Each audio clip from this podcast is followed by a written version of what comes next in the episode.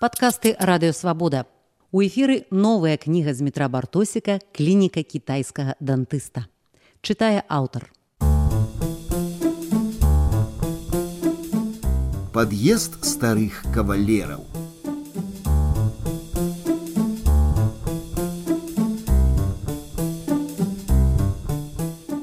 Лондоне ёсць Бейкер-стрит, вуліца знакамітая на ўвесь свет сваім домам 221B, дзе кватараваў Шерлок Холмс. У Маскве на большой садовай у доме 14 дроп 1 у кватэры нумар 50 жыў Воланд. У Вероне на Віа Капелло 23 можна пастаяць под бальконам Джульеты. Турысты перш-наперш спяшаюцца наведаць гэтыя адрасы вядомых літаратурных персанажаў. Але адкуль такое імкненне ў мясціны прыдуманых падзеяў. Можа быць, гэта дзіцячая прага насамрэч патрапіць у прачытаную некалі казку. Як бы там ні было, літаратурны міт заўжды цікавейшы за рэальнасць. Ёсць такі адрас і ў Менску.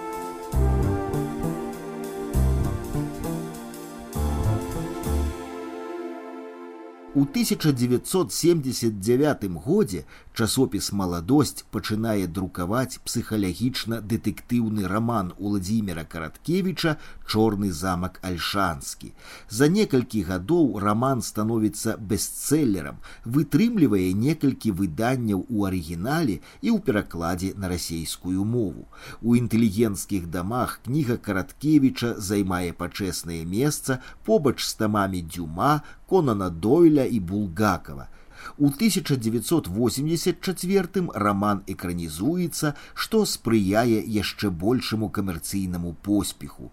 Агульны наклад чорнага замку набліжаецца да мільёна асобнікаў. Выпадак для беларускай білетрыстыкі беспрэцэдэнтны. І хоць большая частка накладу перакладная, мне прыгадваецца фраза тых часоў. Караткевича нужно читать только в оригинале.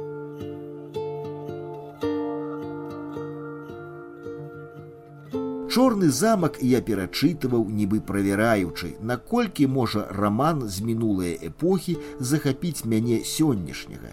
І хоць пэўныя патасныя фрагменты твору нельга ўспрымаць без папраўкі на час стварэння кнігі, замак і сёння захоплівае і бліскучай інтрыгай і гатычным антуражам і спалучэннем розных часоў спалучэннем нязмрочнага сярэднявечча са светлым савецкім сёння, а таемныя мінуўшчыны з не менш таямнічаю цяпершчынай. Прычым караткевічаў наш час зусім не ўспрымаецца канкрэтнымі семидесятымі гадамі два стагоддзя. Ягоныя героі маюць несавецкія імёны, Мар'ян Пташынскі, Герард Пахольчык, Адам Хілінскі, ці, напрыклад, вітаўт ксаверы Энезылья Хасе Марыя Шапо Калавур Лыгановскі. І звяртаюцца яны адзін да аднаго не інакш як пані мой вялебны, ніякіх дарагіх таварышаў, быццам аўтар прадчуваў, што неўзабаве ім месца не знойдзецца.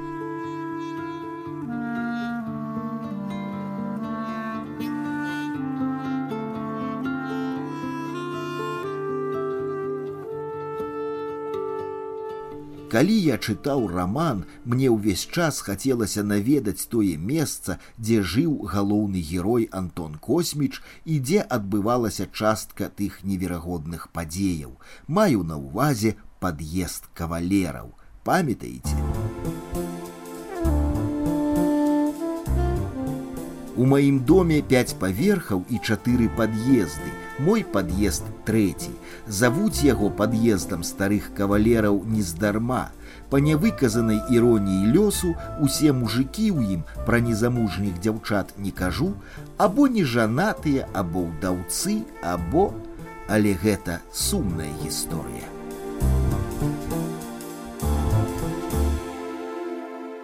Я быў далёкі ад думкі атаясамліваць альшанскі замак з гальшанамі, але аўтар не пакідаў шанцаў на сумневы ў існаванні менскага дому. Месца дзеяння было апісанае як з тапаграфічнай, так і з лірычнай дакладнасцю. Раніцай мяне разбудзіў залівісты крык пеўня, а пасля адчайна душнае, надрывістае кувіканне парасяці. Відаць, неслі ў мяху, як на вёсцы. І кожную нядзелю мне вось так прыемна. І гэта адна з прычын, чаму я люблю сваю хату. Прыемна гэта казаць: моя хата, мой пад'езд, мой двор. Немагчыма уседзець на месцы кожную нядзелю, калі цераз тракт ад майго дому адкрываецца рынок худобы. Коні, каровы, свінні, залатыя рыбкі, авечкі, галубы, трусы, лясное звяр'ё, птушкі, сабакі і ўсё жывое. Да таго, як агарадзілі квартал, дзядзькі з вазамі стаялі сабе на тратуарах, а здаравушчыя мацёры, адваліўшы саскі, ляжалі мілыя на газоне.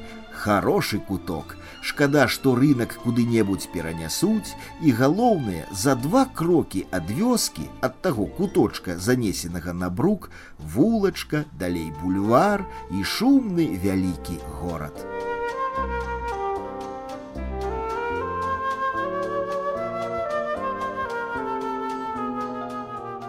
Чытаючы караткевічавы дзённікі, я зрабіў для сябе адкрыццё. Нумары кватэры Антона Косміча і кватэры Владзіміра Караткевіча каля птушынага рынку супадаюць. Праз пару гадзінаў пасля гэтага я стаяў каля дому нумар 48 на вуліцы веры харужай у Менску пасярод двара я з прыемнасцю адкрывальніка аглядаў гэтую жывую і даўно знаёмую мне з кнігі дэкарацыю.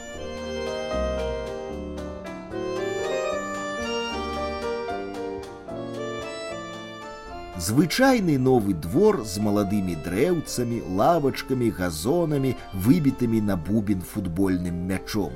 Толькі што ў двары засталося ад знесеных хат ускраіны, двухпавярховы дамок, дуб, зарасці ясеню, пара груш ды некалькі асуджаных яблынь і вішань. Зрэшты двор адзінае, што супадала з кнігай, захаваўся нават той двухпавярховы дамок, пафарбаваны цёмна-чырвонай фарбай, ён адразу прыцягваў увагу. На фоне хрушчовак, абкладзеных бляклай пліткай, гэты дом выглядаў як помнік даўніны. Пад'езд жа кавалераў, у якім калісьці жыў пісьменнік, быў не трэці, а другі, бо на пляцоўках хрушчоўскіх дамоў не магло быць па дзве кватэры, як у рамане. Аўтар і тут ушляхотніў савецкае жытло, праз што блыталася уся выбудаваная сістэма размяшчэння герояў. Я стаяў на другім паверсе надзвычай чыстага пад'езду перад 26 кватэрай з новымі дзвярыма і не адважваўся пазваніць. Паўз мяне прабег інтэлігентнага выгляду мужчына. Прабачце, гукнуў я яго. Пардон, очень спешу. Я пазваніў. Званок не працаваў. Я пагрукаў ніякага адказу. Напэўна, гаспадароў не было дома. Ну павінны ж жыхары такога пад'езду нешта ведаць ці адчуваць. Я ізноў выйшаў на двор, дзе абмяняўся параю фразаў з прыгожай маладой кабетай, што ўваходзіла ў дом. Даруйце, сказаў я, вам імя Владимир Караткевич что-небудзь гаворыць, Караткевич, писатель, да, говорят, он живет в доме, где гастроном. «Живе?» – перепытал я. «Ну да», – отказала кабета, – «я так слышала. А что вы скажете на конт 26-й квартиры?» «Ой, я сама тут недавно, но 26-я продавалась уже раз 10, наверное, и сейчас переходит из рук в руки». Даведаўшыся ад мяне, што ў ёй жыў караткевич, кабета падумаўшы спытала: « Так што, мы выходзіць, жывём в легендарном доме, выходзіць, адказаў я. Bye.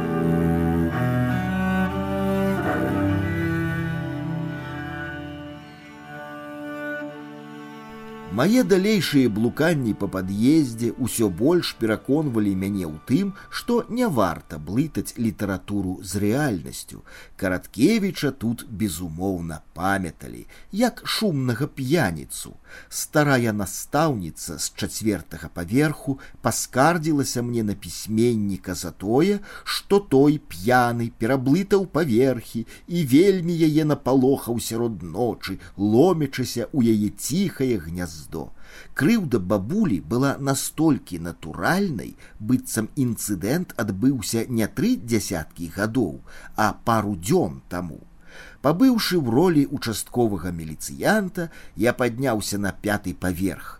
Пажылы інжынер паведаміў мне, як ён шкадуе, што ўвесь час адмаўляў караткевічу скласці кампанію за пляшкаю гарэлкі, «Я ведь к водке отношусь строго отрицательно», — сказал Йон. «А сейчас было бы что вспомнить и даже, может быть, рассказать что-нибудь вам». Вядома, ні старыя кавалеры, ні высакародныя псіхіятры, ні адстаўныя шпіёны у гэтым пад'ездзе ніколі не жылі. І што самае для мяне дзіўнае, чорнага замку з апытаных мною жыхароў ніхто не чытаў. Ну навошта было рамантызаваць гэтыя няўдзячныя хрушчобы, наракаў я на аўтара. Ну чаму ён не стварыў свой пад'езд кавалераў дзе-небудзь на няіснай сёння нямізе.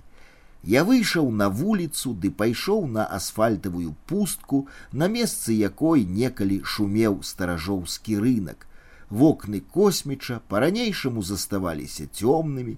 Закурыўшы я разгарнуў кнігу і ў канцы раману натрапіў на адзін цікавы абзац якімі ж по-дзіцячаму недарэчнымі выглядалі мае нараканні на няспраўджаны міт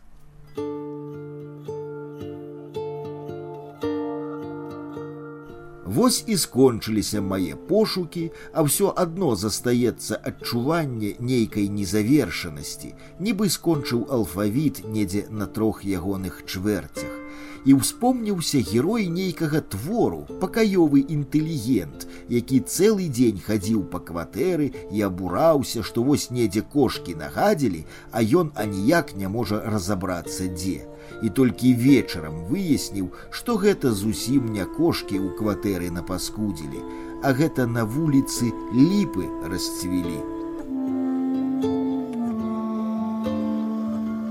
Наш час гэтага раману, які шмат хто ўжо паспеў залічыць у састарэлыя, насамрэч наперадзе. Яшчэ не раз памяняюцца жыхары ў гэтым доме, яшчэ не раз, дзякуючы караткевічаваму міту, нехта іншы па-новаму зірне на такі здавалася нецікавы гарадскі краявід. І яшчэ не раз, праязджаючы паўз гэты квартал, я скажу свайму спадарожніку, А ці ведаеш, пані мой вялебны, што гэта за дом?